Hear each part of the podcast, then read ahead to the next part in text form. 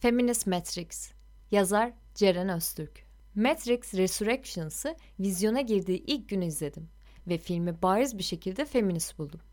Nedenini araştırınca bir de ne göreyim? Yönetmene kadın olmuş da ondan. Filmden çıkınca ilk iş yönetmene bakmak oldu.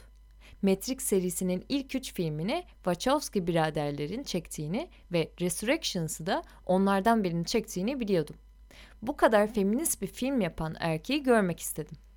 Yönetmenin ismi Lana Wachowski'ydi ve arattığımda bir kadın resmiyle karşılaşıyordum. İlk tepkim kızmak oldu. Madem bu kardeşlerden biri kadın, neden bunlara biraderler diyorlar ki? dedim. Fakat sonra Lana'nın önceden birader olduğunu, sonra kadın olmayı seçtiğini öğrendim. Üstelik değil birader, Lana'dan yıllar önce kadın olmuş. Anlayacağınız Wachowski biraderler, Wachowski kız kardeşleri olmuş.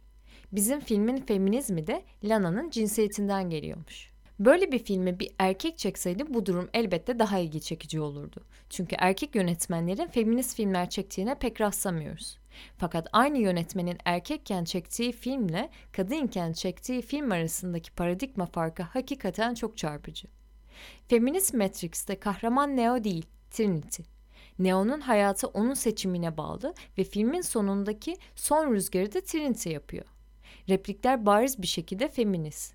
Mesela Neo'nun tek başına bir öneminin olmadığı ancak Trinity ile beraber kahraman olacağı vurgulanıyor. Filmin kötü adamı Trinity Neo'yu kurtardığında kadınları kontrol etmenin eskisi gibi kolay olmadığını belirtiyor. Film boyunca bütün kritik noktalarda kadınlar bulunuyor. Hikayenin başından sonuna kilit bir öneme sahip olan süper karizmatik yüzbaşı bir kadın, tüm orduyu yöneten yaşlı bilgi komutan da.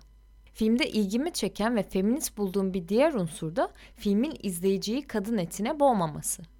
Erkeklerin çektiği popüler kültür filmlerinde kadın kahramanların seksi, arzulanır olması vakayı adiyeden olduğu için Resurrections'taki usturuplu giysiler bilhassa ilgimi çekti. Erkek izleyiciye cinsel ziyafet sunma gayretine girilmemiş olması da bana göre gayet feminist bir unsur. Lana Wachowski efsanevi V for Vendetta filminin de senaristi ve yönetmeniymiş meğer. Aynı zamanda Sense8 adındaki ezber bozucu dizinin de senarist ve yönetmenliğini yapmış. Zaten Resurrections'da Sense8 dizisinin oyuncularının neredeyse tamamı vardı. Lana ile ilgili ilginç bir ayrıntı daha. Bir kadınla evli. Yani kendisi transseksüel bir lezbiyen.